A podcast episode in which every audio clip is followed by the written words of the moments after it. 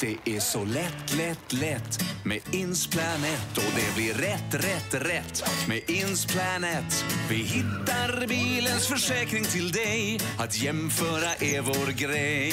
Det är så lätt, lätt, lätt med Insplanet och det blir rätt, rätt, rätt med Insplanet. Vi hittar bilens försäkring till dig. Att jämföra är vår grej. Hitta rätt bilförsäkring till rätt pris på insplanet.com.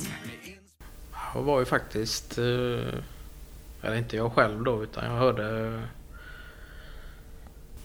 Lars Tö- Törnström. eh, Han jobbade ju en kortare period eh, nere hos oss då. Ja. Och sen... Jag vet inte om han fick någon cancerdiagnos där då. och så blev det ju sjukskrivning på det och så kände han väl att han, eh, han ville göra nå- någonting annat och, Ja. eh, och så. Efter det. Så att han började starta eget och Ja. gjorde något som han trivdes med. Så det, så han, blev, nej, han blev av med eh, hela sjukdomen och Ja. friskförklarad och gjorde det han ville och så. Fan.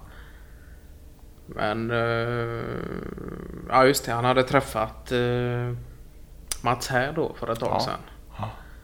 Och jag hade varit här faktiskt på en kaffe då eh, hemma hos honom i Ja. hans eh, hus där då. Ja. Eh, Och det var ju fortfarande under eh, ombyggnation då så att säga. Så att det var ju vindpapp eh, på tre och fyra ytterväggar. Fan. och eternit kvar på en. Och, Ja.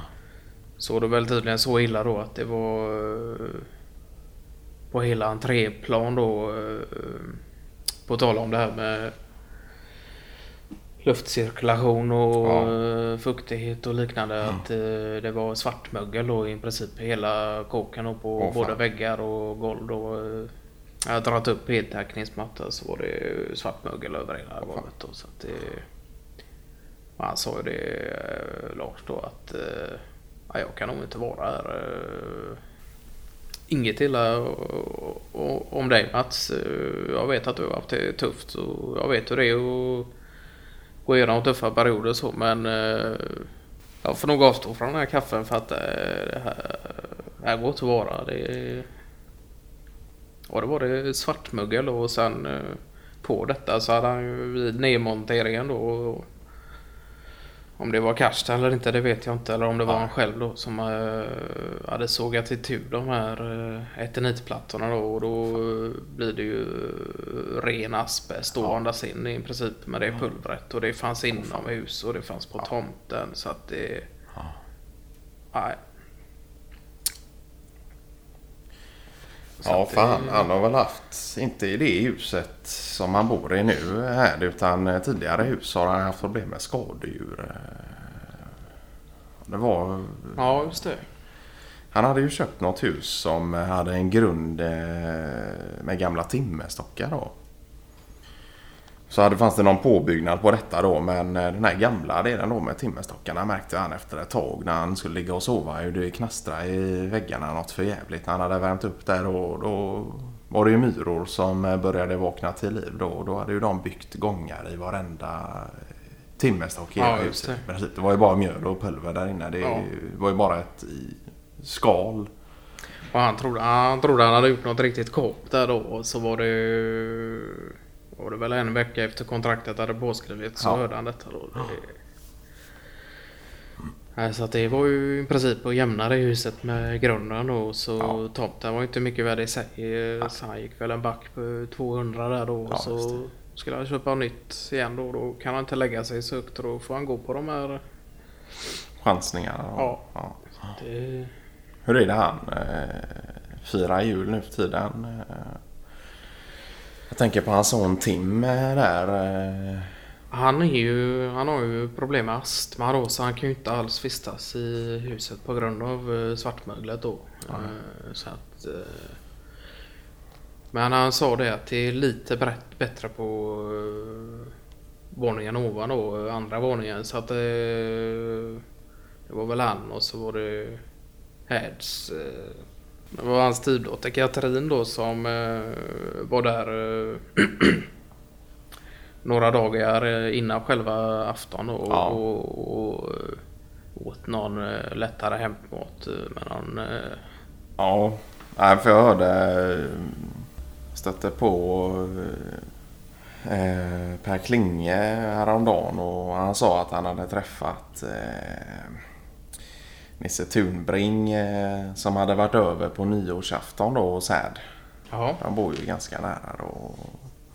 ja han bor så, Ja, det är ut mot Färgelanda hållet. han bor där Ja, också. då. precis. Ja.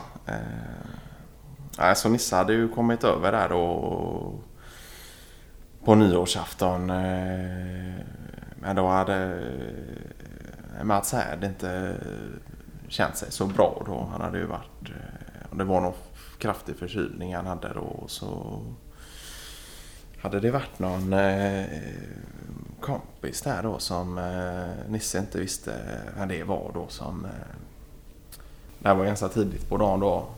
Ja.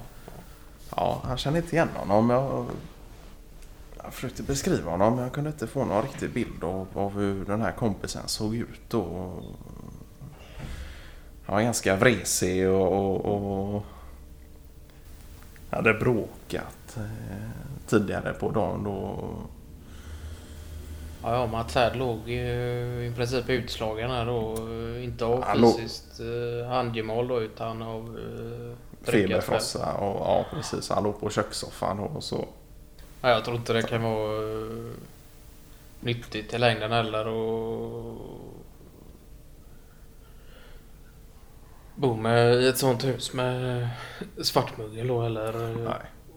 det lägger sig ju på extra då på förkylningen och Ja. ger sina biverkningar och, och andningssvårigheter och, och har man då svårt med alkohol på det viset också då, och, och någon eh, kompanjon som eh, i princip eh, piskar upp stämningen på det viset så eh, kan det ju inte ge annat än eh, ett tråkigt avslut. Eh, Men det är tråkigt att se för eh, det var väl ända fram till eh, 25-årsåldern eh, eller 30-årsåldern nästan som han ändå höll igång här och Ja.